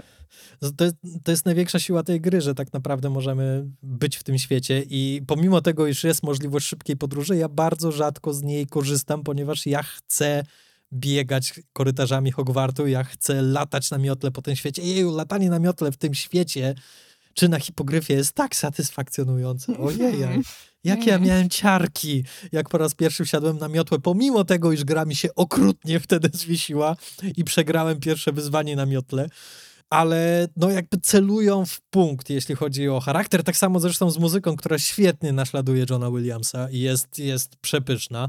No tak, ale gra to wiadomo. Można sobie robić te wszystkie misje poboczne, można sobie zwiedzać ten świat i to jest na Oj, pewno można. bardzo silna część frajdy z tej gry, no ale nie oszukujmy się, jest też rzecz najważniejsza, czyli fabuła. I gry przeważnie kupuje się właśnie dlatego, żeby przeżyć jakąś przygodę w tym świecie. I tutaj ta przygoda jest. Mamy do czynienia z chłopakiem, który jest już no, całkiem starym wygą w porównaniu do innych dzieciaków, które są w tej szkole, bo on od razu dostaje się chyba To na... nie musi być chłopak. Od No razu tak, bohater. To. U ciebie to jest bohater, chłopak. bohaterka, Tak. która dostaje się od razu na piąty rok. On jest y, chłopakiem, czy tam dziewczyną, jest stworzeniem magicznym, który e, jest człowiekiem po prostu, Konrad. Wystarczy powiedzieć, że jest człowiekiem. Jest człowiekiem, który ma w sobie dosyć charakterystyczną, specyficzną moc, czyli widzi na świecie e, wspomnienia starożytnej magii. Potrafi tę starożytną magię znaleźć we współczesnym świecie, we współczesnym, to, ówczesnym świecie, to jest XIX wiek i bardzo dobrze się to sprawdza, bo jak oglądaliśmy Harry'ego Pottera, to czuliśmy, czuliśmy ten, ten powiew właśnie XIX wieku i to jest idealnie osadzone, e, jeżeli chodzi o, o, o czasy. No i ten nasz bohater musi przeciwstawić się złu, które, które tam kiełkuje, już nawet wykiełkowało, ale próbuje wyrosnąć jeszcze bardziej, czyli Goblin Ranrock, który próbuje tam walczyć. Ja też jestem dopiero w połowie y, głównej fabuły, więc ciężko mi jeszcze powiedzieć, bo nie doszedłem do końca. Na razie próbuję odkryć Awada Kadawra z, w misjach z Sebastianem, żeby już mordować każdego, kogo się da. Także ja jestem raczej czarnoksiężnikiem złym. Założyłem sobie bardzo złowieszczą maskę, zabijam wszystko, co stanie na mojej drodze, nie oszczędzam i zawsze jestem opryskliwy, jak w odpowiedziach. Pochwalisz się, jak nazwałeś swojego bohatera? Harry Voldemort to jest moja wymarzona hybryda. E, Ja byłem bardziej e, legitny i ja nazwałem Cameron Hopscotch. I jestem w, domu Hufflepuff, z czego bardzo się cieszę, ponieważ e, dom wspól, pokój wspólny Hufflepuffu przypomina Hobicią Norę, czyli idealnie. Ja jestem ze Slytherinu. Co tak, ty? to jest oczywiste, że jesteś ze Slytherinu. Ty jesteś ślizgonem okrutnym. Ogólnie tak, gra jest bardzo długa. Naprawdę jest co robić i nawet jeśli nie lubicie grać w te poboczne misje, to i tak, i tak będziecie mieli co robić. Natomiast y, jest kilka potknięć. Na przykład y, bardzo mi brakuje tego, że nie ma moralności w tej grze, w sensie, To mi że- się najbardziej podoba.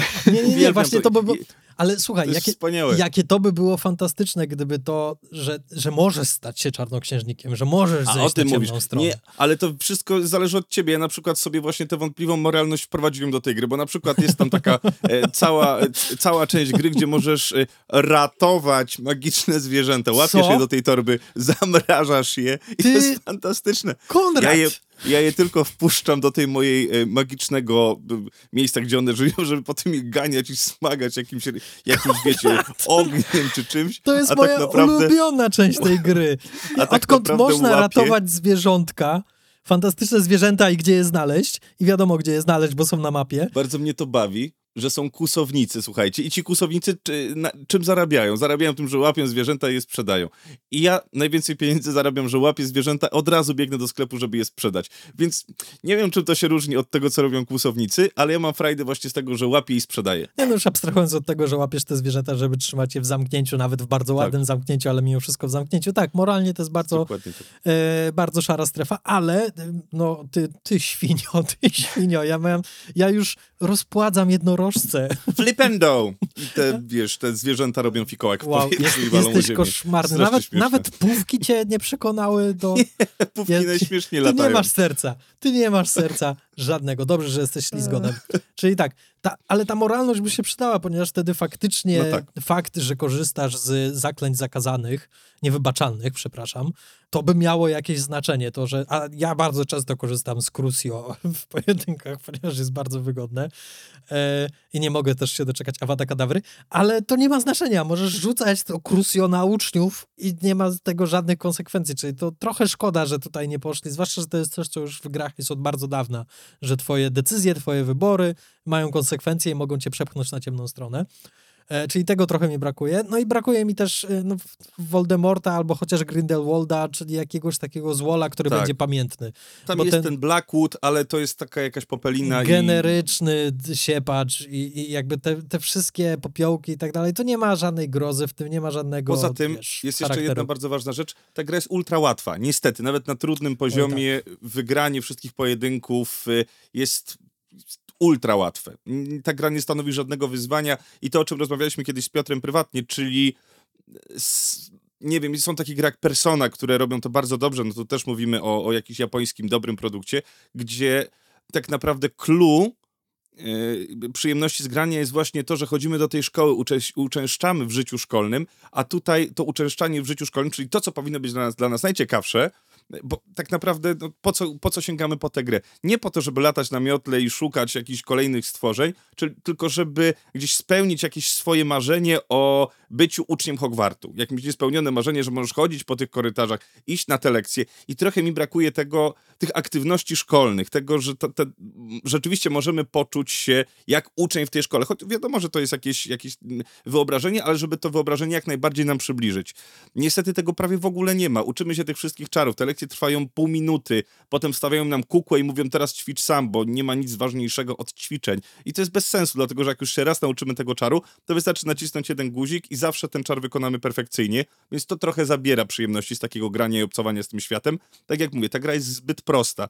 Wydaje mi się, że deweloperzy postawili główny nacisk na to, żeby ten świat prezentował się i wyglądał niebywale, co im się udało, ale jednak wszystko inne zeszło na, na drugi plan. Otworzyli sobie piaskownicę i zrobili to bardzo umiejętnie i teraz mam nadzieję, że przy drugiej części, która oczywiście powstanie, pójdą o krok dalej i dadzą nam właśnie te wszystkie brakujące elementy, które my byśmy chcieli w tej pierwszej części. Ja jeszcze tylko chciałem, żeby zamknąć tą rozmowę i nawiązać z powrotem do Super Mario Bros. To jest fascynujące, ponieważ jak te dwa światy filmowe i świat gier się przeplatają nieustannie od kilku, kilkunastu lat, twórcy gier zaczęli szybciej przechodzić na drugą stronę. W sensie na przykład takie gry jak The Last of Us, one już zacierały granice pomiędzy grą a filmem. Oni tam stosowali filmową konstrukcję bohatera, filmową konstrukcję historii i tak dalej. I między innymi dlatego serial był tak łatwy do zrobienia z jednej strony. Natomiast producenci filmowi nie przekraczają tej granicy w ogóle. Teraz Mario przekroczyło tą granicę, że oni zaczęli w, w animacji Mario stosować rozwiązania z gry y, i charakterystykę gry. I to jest wielka siła tego filmu. I być może wielki sukces Mario skłoni innych producentów do tego, żeby być może się zastanowić, hmm, może bądźmy oryginalni i spróbujmy przeciągnąć więcej ze świata gier do świata ekranizacji. E, Ja też chciałem nawiązać do e, Mario, um, bo trochę jesteście jak, e, mm, jak Nie mów tego. Super Mario, Nie, bo sprawdziłem już cenę Hogwarts Legacy i chyba jednak wyrzucę swoje życie do kosza na chwilę, bo opis, mm, może nie kłusownictwa Konrada, ale chodzenia po tym świecie był przepiękny, Mm, ale też w ogóle nie macie wrażenia, że to jest taki moment, w którym jakby film trochę zakumał, e, taki środek e, wyrazu jak gry komputerowe, bo pamiętam taki na przykład takie próby jak Prince of Persia, gdzie tylko jedna scena nawiązywała do, e, do, do gry, a tak to ten film był do nikogo nie trafiał, takie mam, taką mam teorię. A teraz właśnie mamy czas ekranizacji gier komputerowych, które nęcą w jakiś sposób. Gry są coraz bardziej filmowe, czyli łatwiej je przełożyć na język filmu. Ale y, to, co ty mówisz, że y, filmy zaczęły wreszcie dostrzegać grę, ja to widzę właśnie w animacji Mario, że tam po raz pierwszy chyba się zdarzyło coś takiego, że zobaczyliśmy poziom z gry, poziomy z gry tak mocno wykorzystane i sposób, w jaki angażujemy widza jest bardziej growy niż filmowy. Ale też w filmach widzę częściej coś, co mm, było właśnie obecne w grach długo, czyli mm, perspektywę first person shooter. E, I to jest coraz częściej. Właśnie jest używane mm, coś, co było obecne w grach no, od wczesnych lat 90., jest teraz obecne w filmach i to jest takie naturalne. Ten środek jest używany dość naturalnie. To jest właśnie ciekawe, że, że chyba filmy bardziej kumają grę. E, no, zresztą niedługo będzie się premierować, chyba w wakacje, czy tam jakoś tak w okolicy sierpnia, e, będzie się premierowało Gran Turismo, które bardzo, bardzo ma być osadzone w, w okolicznościach gry. Tutaj też partycypuje Studio Sony. Po sukcesie The Last of Us nie dziwię się, że będą inwestowali dalej w swoje największe tytuły i będą starali się je eksploatować na nowym rynku. No i wygląda to bardzo dobrze, ten, ten zwiastun i zapowiedź, więc no, wydaje mi się, że będzie tego coraz więcej. Jeżeli to jest kolejna jakaś tam rzecz, na której można zarobić, to czemu nie? Ja nawet myślę, że y, większe znaczenie, jeju, to jest niesamowite, w którą stronę skręciła ta rozmowa. Ja myślę, że większe znaczenie dla ekranizacji będzie miał Super Mario Bros. niż na przykład takie The Last of Us, bo The Last of Us to było trochę cheating, prawda? Ponieważ ta, ta gra to był film e, w świecie gier komputerowych. Natomiast Mario to jest gra, gra. Idziesz od lewej do prawej, przynajmniej to Mario, w której ja grałem. I znaleźli sposób, żeby przenieść ten charakter na film. I wydaje mi się to bardziej wpływowe i bardziej znaczące niż na przykład właśnie takie The Last of Us, czy nawet Gran Turismo, ponieważ filmów wyścigowych, no wiadomo, już te, te, te, też było całkiem sporo. No tak. Zobaczymy, jak, czy, czy oni bardziej pójdą w stronę filmu wyścigowego, czy faktycznie znajdą jakiś sposób, żeby więcej z tej gry się przedostało, czy z mechanizmu gry, czy tego, w jaki sposób my uczestniczymy e, w wydarzeniach w grze, w przeciwieństwie do tego, jak uczestniczymy w filmie. Nie spodziewałem się takich poważnych e, zdań o Mario Prawda? od ciebie, Maszor. Jak Zabrzmiałeś jak Michał Oleszczyk. Dwóch takich e, głąbów mariowych yy, przeciwko mnie musiałem jakoś się bronić, musiałem jakoś znaleźć wyjście z tej sytuacji. Także słuchajcie, słowem podsumowania, dziedzictwo Hogwartu, yy, tak, jak najbardziej. Je, nawet jeżeli ta fabuła jest no, taka sobie. Nie ma tam jakichś wielkich fajerwerków, nie szkodzi, dlatego że można się skupić na kompletnie innej rzeczy. Co prawda, trzeba tę fabułę odbębnić i iść. Yy, znaczy, ja bym polecał zacząć od tej głównej fabuły, dlatego żeby odblokować wszystkie możliwe rozwoje postaci, wszystkie umiejętności, które nabędziemy, to główne właśnie nabędziemy idąc głównym, głównym wątkiem. Dlatego warto to zrobić. To się robi szybko, można naciskać Y, żeby przesuwać rozmowy, chociaż prawdopodobnie mało kto to zrobi, bo chcemy jak najwięcej obcować z tym światem, ale wszystko to, co jest obok, czyli właśnie to e, flipendowanie zwierząt, czy tam podpalanie Przestań. ich, czy... E, przepraszam, rzeczywiście, czy latanie na miotle i zbijanie balonów, co jest jedną z najgłupszych aktywności w tej grze, ale trzeba to robić. Czy jeszcze jedna z najbardziej To jest najgłupsza aktywność, zbijanie balonów jest najgłupszą aktywności? Ty nie, najgłupszą jest otwieranie się drzwi. Nad zwierzętami. Nie znęcam się, żartuję tak sobie yy, po prostu. Jasne. Ale y, mówię wam, że jest taka możliwość, gdyby ktoś chciał spróbować. Nieważne. Można Mam też kilka porad. zwierzęta z klifów. Da się to zrobić, jak zrobimy popchnięcie. Wow. Nieważne. To Przejdźmy... są zagrożone gatunki, Konrad. No ale jak potem one nie giną, można Teraz już cię na pewno nie wpuszczę do swojego domu. Nie ma szans. Już widzę, jak to po prostu flipendujesz czkawkę. Kochani, y, najgłupsze co jest w tej grze, chciałem nawet Piotrowi powiedzieć, jakbym nie zdenerwował, że jest tak samo bezużyteczny jak zamki w drzwiach w grze Hogwarts Legacy, y, dlatego, że jedną z najgłupszych rzeczy w tej grze jest to, że są zamki. Jest Alohomora, nie wiem, po co ludzie w ogóle zamykają drzwi na klucz. To jest jakiś idiotyzm w tej grze. To znaczy, że machniesz różdżką, ja pomachasz gałkami powodów. i wszystko masz otwarte. To jest głupie po prostu. Po co zamykać drzwi? Po co robić takie zamki? No, nie wpadli na to, żeby zrobić jakieś magiczne zamki, których nie da się otworzyć. Żeby Mugol przykład... nie wszedł. No ale to są magiczne zamki, których nie możesz otworzyć. Musisz znać zaklęcie Alohomora, no człowieku.